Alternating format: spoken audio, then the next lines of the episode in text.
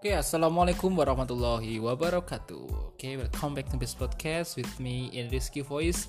In this special episode, uh, I'm going to tell, or maybe we can discuss together about this uh, chapter. It's different with uh, another uh, season, another episode that I did. Um, it is about the superficie. Okay, kita change into Indonesia language. Ding. Oke, ini adalah tentang supervisi ya. Uh, kita ngomongin sebelum kita ngomongin supervisi lebih detail karena kita akan membahas supervisi klinik ya, klinis ya di sini. Tetapi sebelum itu, uh, mari simak uh, beberapa hal tentang supervisi dulu dari pengertian dan sebagainya. Dan nanti untuk episode kali ini kita fokus ke supervisi klinis. Dan nanti di episode selanjutnya pasti ada beberapa supervisi yang lain seperti supervisi ilmiah lagi. Oke, kita awali dulu.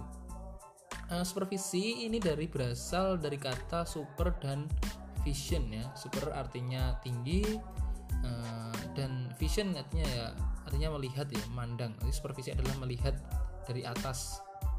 Oke, pengertian tersebut dimaksud orang yang memiliki kedudukan yang lebih tinggi atas uh, melihat atau mengamati atau mengawasi orang yang berada di bawahnya. Jadi seperti pengawas ya orang yang mengawasi itu dari atas tuh ini kita logikanya supervisi seperti itu.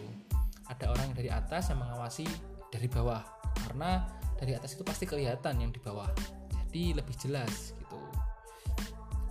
Terus uh, untuk supervisi sendiri uh, misal ya kepala sekolah melihat dan mengamati perilaku guru karena kepala sekolah pasti uh, tingkatannya lebih tinggi daripada guru dan karyawan lainnya. Akhirnya kepala sekolah itu berhak seperti apa ya tingkatannya di atas jadi seperti itu. Jadi bisa melakukan supervisi tersebut. Uh, seperti legal optimalisasi memberikan bimbingan kepada guru yang melaksanakan tugas yang lebih optimal. Kimball Wheeler mengemukakan jadi ada Kimball Wheeler ya dia mengungkapkan bahwa uh, supervision is assistance is the development of better teaching learning situation. Ya supervisi proses bantuan untuk meningkatkan situasi belajar mengajar agar lebih baik. Pengertian ini menunjukkan bahwa uh, supervisi adalah proses bantuan, bimbingan, dan atau pembinaan dari supervisi kepada guru untuk memperbaiki proses pembelajaran. Bantuan, bimbingan, atau pembinaan tersebut bersifat uh, profesional pastinya yang dilakukan melalui dialog uh, untuk memecahkan masalah pembelajaran. Jadi kayak guru pasti punya curhatan di kelas cara mengajarnya mungkin uh, ada kendala dan sebagainya masalah teknis ataupun masalah terkait uh, tempat atau fasilitas. Itu mungkin guru bisa uh, curhat ke kepala sekolah. Jadi kepala sekolah bisa memberikan pengarahan ataupun apa? Ataupun uh, suggest ya ataupun um, apa bimbingan lagi itu biar lebih uh, guru ini lebih baik pada saat mengajar dan lebih enak nantinya. Dengan apa? Dengan mutu pendidikan nanti akan lebih baik daripada sebelum-sebelumnya. Itu adalah tujuan utamanya supervisi. Banyak hal-hal yang harus diperhatikan tentang supervisi komponen-komponennya ataupun langkah-langkahnya itu pasti ada banyak. Tapi kita kesampingan dulu kita fokus ke sekarang kita membahas supervisi klinis Uh, supervisi klinis adalah supervisi yang dilakukan uh, berdasarkan adanya keluhan ataupun masalah dari guru yang disampaikan kepada supervisor. Supervisor di sini yaitu kepala sekolah. Supervisi klinis uh, adalah bentuk supervisi yang difokuskan pada peningkatan mengajar dengan melalui siklus yang sistematik. Dalam perencanaan, pengamatan serta analisis ya yang intensif dan cermat tentang penampilan penampilan mengajar yang nyata, serta bertujuan mengadakan perubahan dengan cara yang rasional. Ide untuk mem memberlakukan supervisi klinis bagi guru muncul nah, ketika guru tidak harus disupervisi atau keinginan kepala sekolah sebagai supervisor. Tetapi atas kesadaran guru datang ke supervisor minta bantuan, ya mengatasi masalahnya, nah, kepala sekolah sebagai supervis supervisor akademik, uh, ya memiliki pengetahuan dan menguasai penerapan supervisi klinisnya. Jadi uh, ini lebih ke kepekaan ya terhadap guru tersebut. Jadi pada saat nanti ada sebagai guru uh, kita ada keluhan dan sebagainya ada masalah kita langsung datang ke uh, supervisor di sini yaitu kepala sekolah gitu hmm, ada dua asumsi ini yang mendasari praktik ya supervisi klinik yang pertama ini ada pembelajaran merupakan aktivitas yang sangat kompleks yang memerlukan pengamatan dan analisis secara berhati-hati melalui pengamatan dan analisis. Supervisi pembelajaran akan mudah mengembangkan kemampuan guru mengelola proses pembelajaran. Uh, kedua, uh, guru-guru yang profesionalnya ingin dikembangkan uh, dengan pendekatan kolegial daripada cara autoration.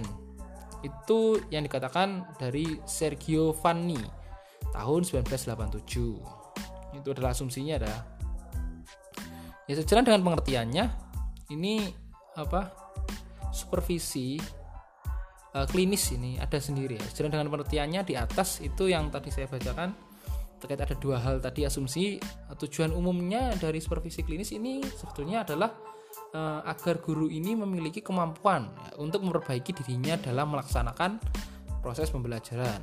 Sedangkan tujuan khusus ya, itu tentang tujuan ya, pengertiannya ya. Kalau tujuan khususnya yaitu uh, yang pertama ya menyediakan umpan balik yang objektif terhadap guru mengenai pembelajaran yang dilaksanakan. Uh, mendio mendiagnosis ya, mendiagnosis harus mengetahui, membantu memecahkan masalah-masalah pembelajaran, membantu guru mengembangkan keterampilannya menggunakan strategi pembelajaran, dan selanjutnya mengevaluasi guru, terus membantu uh, ataupun sikap positif terhadap pengembangan profesional yang dikembang uh, berkesinambungan. Berarti ada secara terus-menerus mengawasi, membantu ya, terus dan memecahkan itu bersama-sama. Itu adalah tujuan khususnya ya bagian uh, supervisi klinis ini terus ciri-ciri supervisi klinis. Nah pasti ada beberapa ciri-ciri khusus ya. Yang pertama ini ada bantuan yang diberikan bukan bersifat instruksi ataupun memerintah tetapi di sini tercipta hubungan manusiawi. Nah, sehingga guru-guru memiliki rasa aman pastinya. Di sini tetap uh, tetap safe lah keadaannya tetap uh, seperti keluarganya manusiawinya tetap terjaga. Terus apa yang akan disupervisi itu uh, timbul dari dari harapan atau dorongan dari guru sendiri. Karena dia memang membutuhkan bantuan itu terus satuan terus satuan tingkah ya atau mengajar yang dimiliki guru merupakan satuan yang ter, ter tergaji ya, sehingga terlihat kemampuan apa keterampilan apa yang secara spesifik harus diperbaiki. Jadi tahu nanti yang diperbaiki yang mana. Terus suasana dalam pemberian supervisi adalah suasana yang penuh kehangatan kedekatan dan keterbukaan. Jadi tetap santai tapi serius di sini di situ eh, kekeluargaan sangat apa ya sangat erat ini mungkin salah satu supervisi yang sangat enak ya pada saat eh, pengembangan mutu pendidikan atau mengajar di sekolahan sedangkan indikator keberhasilan uh, supervisi klinis ini ada tiga ya. Yang pertama ini ada meningkatnya kemampuan guru dalam merencanakan atau melaksanakan dan mengevaluasi proses pembelajaran. Dan yang kedua, kualitas pembelajaran yang dilaksanakan oleh guru menjadi lebih baik sehingga diharapkan berpengaruh terhadap kualitas hasil belajar yang dicapai siswa. Dan yang ketiga, terjalin hubungan kolegial antara kepala sekolah dengan guru dalam memecahkan masalah pembelajaran dan tugas-tugas profesionalnya. Itu salah satu indikator beberapa hal ya yang harus diperhatikan tentang supervisi klinis. Kualitas proses pembelajaran ada beberapa alasan-alasan kenapa sih kok harus um, ini supervisi pasti ada alasannya. Nah, ada alasannya, ada empat aspek sebagai berikut. Uh, ada kualitas proses pembelajaran bisa meningkat, terus profesionalisme guru terus tanggung jawab kepala sekolah terus peningkatan mutu pendidikan dan itu kan akan kembali ke apa ke mutu pendidikannya anak ya. Jadi mungkin itu hal yang di saya sampaikan tadi untuk supervisi klinis. Oke mungkin untuk uh, podcast kali ini kita apa ya kita lanjutkan ya. Kita lanjutkan untuk supervisi ilmiah di episode selanjutnya ya di episode selanjutnya di supervisi ilmiah. Untuk supervisi klinis uh, saya ya, saya akhiri ya. Semoga kalian tetap uh, paham. Semoga langsung paham walaupun tidak paham nanti bisa diskusi bareng tentang supervisi klinis. Uh, untuk akhir ya untuk sebelum saya tutup um, untuk opini saya terhadap supervisi klinis ini ya saya lebih suka kalaupun ini terjadi ya karena kedekatan emosional kekeluargaan dan manusiawi kayak seperti apa ya seperti keluarga sendirilah kita ngomong sama saudara kita ngomong sama bapak atau ibu kan pasti ada kehangatan. Dan tidak ada diskriminasi ataupun judgement di dalam uh, pem, di dalam supervisi tersebut. Walaupun ya pasti uh, apa ya di dunia kerja pasti ada yang namanya seperti itu. Tapi kalau untuk supervisi seperti ini peningkatannya lebih santai ya tapi dapat karena uh, pikiran akan menyatu dengan emosi. Akhirnya lebih hangat gitu. Oke itu untuk supervisi kali ini. Uh, di episode di episode supervisi klinis ini thank you very much. Uh, see you to the next episode.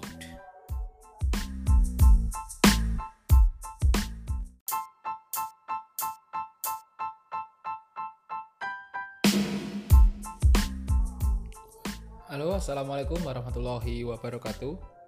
Oke, kembali lagi di episode spesial kali ini, yaitu tentang supervisi. Yaitu kita akan membahas tentang supervisi tentang pendekatan ilmiah, oke? Jadi hmm, berbeda dengan sebelumnya, tadi kan kita membahas tentang supervisi klinis ya. Kita sekarang berbicara tentang hmm, ilmiah ya Terus um, sebelumnya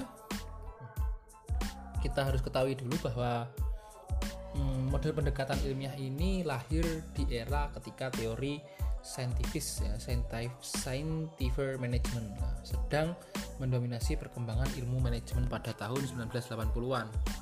Pada zaman tersebut model supervisi nah, sedang pendekatan ya dengan pendekatan sains dipandang sebagai jawaban atas rendahnya kualitas pendidikan.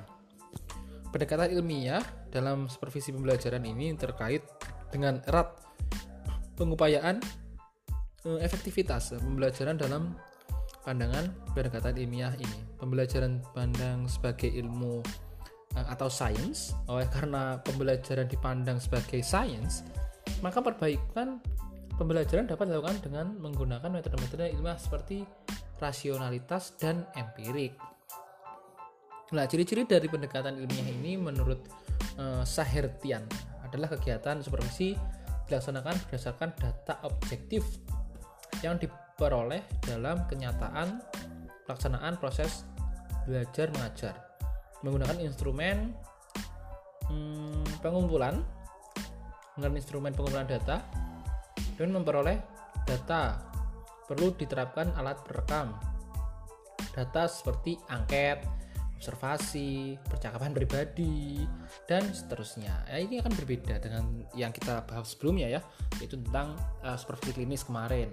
Nah, supervisi klinis kan lebih ke pendekatan, lebih ke diskusi, lebih ke curhat dan sebagainya. Tapi kalau untuk ilmiah ini, uh, supervisi ini lebih ke ini data, main data, data yang sudah dilakukan oleh seorang guru mungkin nilainya berapa cara mengajarnya gimana portofolio dan sebagainya rekaman ataupun apa pun yang dibentuk objektivitasnya. Itu jadi eh, guna meningkatkan dan mengupayakan perbaikan pembelajaran ya, maka seorang supervisor nah di sini supervisor tadi kan kepala sekolah ya karena yang lebih tahu gitu yang menggunakan pendekatan ilmiah dapat melaksanakan tiga hal yaitu ada mengimplementasikan hasil temuan para peneliti Bersama-sama dengan peneliti mengadakan penelitian di bidang pembelajaran dan hal lain yang bersangkutan uh, paut ya bersangkutan dengannya nah, penerap, menerapkan metode ilmiah dan mempunyai sikap ilmiah dalam menentukan efektivitas pembelajaran. Nah, jika para peneliti sudah banyak mendapatkan hasil uh, keefektifan ya pembelajaran, menemukan teori-teori yang sudah teruji kebenarannya, Nah, maka tugas guru ini beserta supervisor lah yang memanfaatkannya. Dengan demikian, kontribusi yang diberikan oleh peneliti tersebut mencapai sasarannya. jadi gitu tugas utama supervisi pembelajaran dengan menggunakan pendekatan ilmiah adalah membantu guru dalam menyelesaikan metode-metode pengajar dan memper, memperbarui kemampuan guru dalam mengajarnya. Nah, dalam membantu guru menyelesaikan metode pengajarnya, supervisor ini eh, terlebih dahulu nah, harus menemukan prosedur mengajar yang baik. Jadi sudah ada prosedurnya dulu. Berarti supervisor harus lebih uh, mempersiapkan dulu tentang cara pengajaran, penampilan mengajar yang baik jika itu diperlukan. Nah, baru setelah menemukan sendiri, supervisor akan dapat membantu guru menemukan metode-metode yang dapat menjamin keberhasilan siswa yang diajar secara maksimal. Dalam membina, eh, dalam membina guru-guru, ya, ini supervisor terlebih dahulu mengidentifikasi ya kekurangan-kekurangan mengajar guru.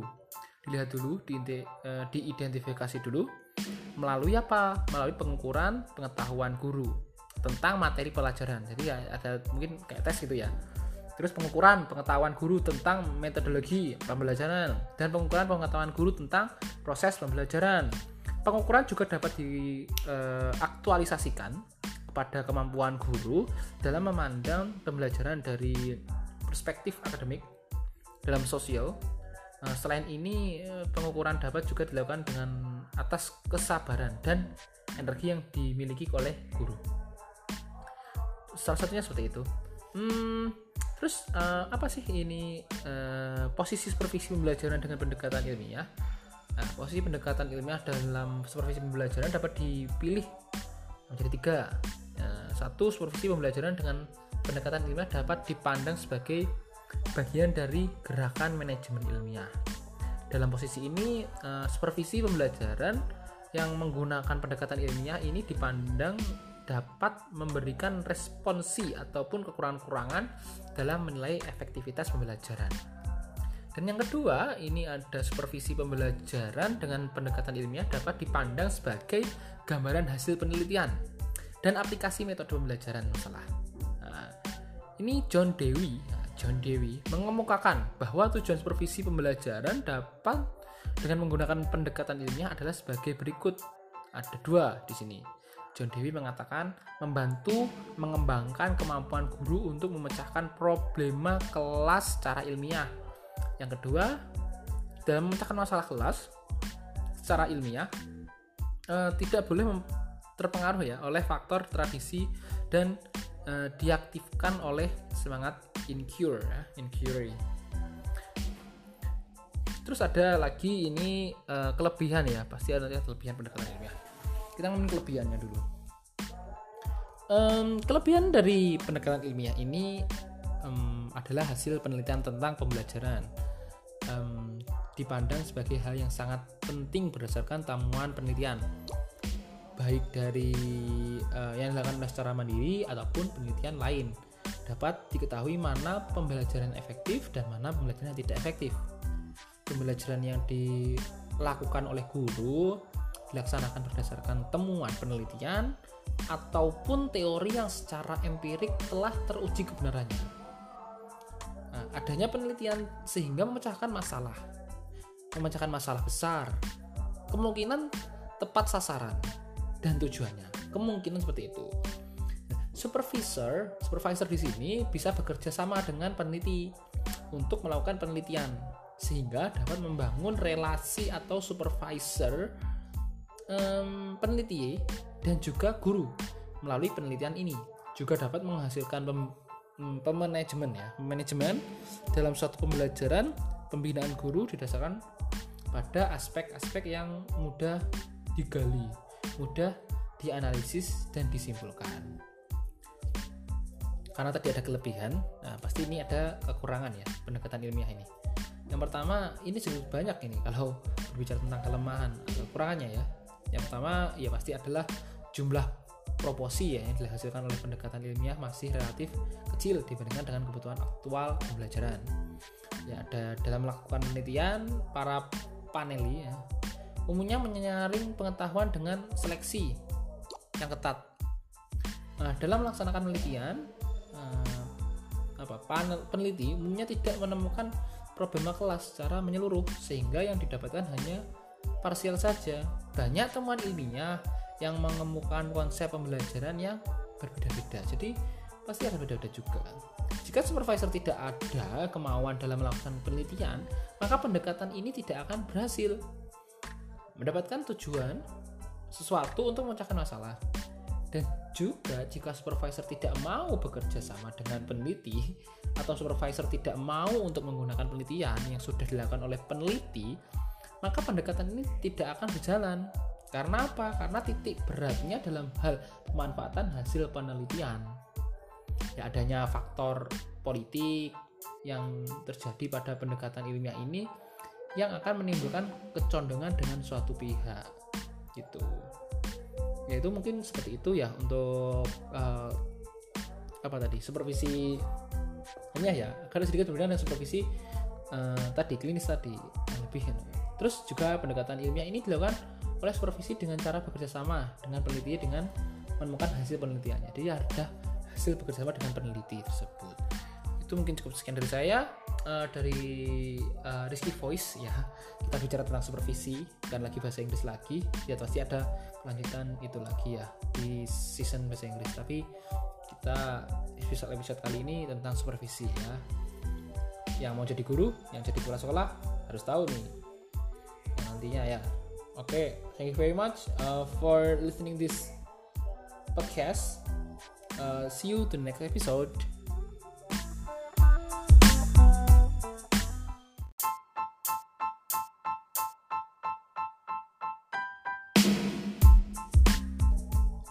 Assalamualaikum warahmatullahi wabarakatuh. Oke kembali lagi bersama saya. Kita membahas supervisi lagi Yang dua episode sebelumnya kita membahas tentang supervisi klinis dan supervisi ilmiah ya. Dan untuk episode kali ini Kita akan membahas tentang supervisi um, ar apa? Supervisi uh, artistik ya. Kita bicara tentang supervisi artistik. Ini akan berbeda lagi yang tempat pengetahuan yang baru. Kita belajar bareng ya kita sudah bicara tentang supervisi di dua episode kemarin pasti kalian sudah nah, tahu lah supervisi itu sepertinya seperti apa sih? Tujuannya untuk apa? Prosesnya gimana? Siapa sih supervisornya? Yang disupervisi itu siapa? Dan sebagainya. Dengan uh, garis besar harus tahu dulu sebelum membahas yang lainnya. Oke dalam model apa artistik ini artistik supervisor ini menjalin hubungan dengan baik dengan guru sebetulnya yang disupervisi sehingga guru-guru yang disupervisi merasa dibimbing diterima merasa aman dan timbul dorongan untuk maju sikap mau menerima dan mendengarkan perasaan orang lain mendengarkan perasaan orang lain lah ya uh, mengerti orang lain dengan problema yang dikemukakan uh, serta menerima orang yang sebagaimana adanya sehingga orang dapat menjalin dirinya sendiri. Nah, ini adalah sikap yang dikembangkan dalam supervisi artistik Grand Mansion atau Brewat tahun 2012 ya menyatakan bahwa uh, supervisi harus berdasarkan pendekatan rasional. Pendekatan relasional akan membuat hubungan yang baik antara guru. Ini ada beberapa hal dari orang yang menurut C. Giovanni ya menurut C. Giovanni dalam Sahetian tahun 2000 ciri khas model artistik ini adalah memerlukan perhatian. Pertama. Kedua memerlukan keahlian-keahlian khusus untuk memahami apa yang dibutuhkan. Dan yang ketiga mengutamakan sumbangan yang unik e, dari guru-guru dalam rangka mengembangkan pendidikan dari bagi generasi muda. Menurut e, menuntut memberi perhatian lebih banyak terhadap proses pembelajaran di kelas dan proses itu diobservasi ya memerlukan laporan memerlukan suatu kemampuan bahasa dalam cara mengungkapkan apa yang dimiliki terhadap orang lain memerlukan kemampuan untuk menafsir juga menunjukkan fakta bahwa supervisi bersifat individual dengan kekhasannya sensitivitas dan Eh, pengembang pengamalan merupakan instrumen utama yang digunakan di mana situasi pendidikan diterima dan bermakna pada orang yang disupervisi. Hmm, dalam pengajaran, juga ini guru ya dibedakan melalui gaya dan kekuatan khususnya supervisi dengan orientasi artistik akan mengenali gaya guru tersebut dan mencoba membantu guru untuk mengeksploitasi dan menguatkan arah positif yang telah diambilnya. Bahkan terjadi beberapa guru yang tidak pernah cemerlang dalam memiliki uh, memimpin diskusi, gitu maksudnya saya. Um, tetapi mungkin menjadi penceramah kelas atas. Dengan kata lain, baik kompetensi pengajaran secara umum maupun karakteristik unik dari tampilan harus dipersepsikan dan dihargai kemampuan mengapresiasi kualitas seperti ya di atas ya menurut akses terhadap proses dalam konser musik pelatih dan pemain duduk bersama untuk memberikan komentar pada apa yang didengar. Bila latihan berulang-ulang, maka secara bersama-sama mereka dapat membuat perbandingan apa yang sedang didengar dan apa yang telah didengar. Ya, hal ini memberikan kontribusi dalam memberikan parameter yang masuk akal ya bagi kritik yang diberikan secara dan tentunya sangat berpengaruh terhadap kecepatan ke arah perubahan. Terus juga pada ini sisi apresiatif ya, apresiatif pendekatan artistik ini untuk supervisi berfungsi ganda, yaitu mencari apresiasi terhadap keseluruhan kualitas, penampilan termasuk kualitas-kualitas bagian-bagian penyusunnya. Bagian penyusunnya. Dan mencoba mengapresiasi karakter penampilan yang berbeda ada delapan ciri ya yang muncul dari pendekatan artistik ini. Pendekatan artistik ini untuk supervisi membutuhkan perhatian untuk karakter dari kejadian yang ekspresif. Pendekatan pendekatan artistik juga supervisi membutuhkan level pendikit, pendidikan yang tinggi. Kontribusi unik dari guru juga uh, perhatian dari proses kehidupan kelas hubungan yang dibangun antara supervisor yang diawasi sehingga dapat dibangun dialog dan ditumbuhkan kepercayaan di antara keduanya. Itu mungkin beberapa tentang apa ya supervisi artistik ya ar artistik ya lebih pendekatan lebih keunikan ya dari seorang guru apresiasi tinggi dan sebagainya.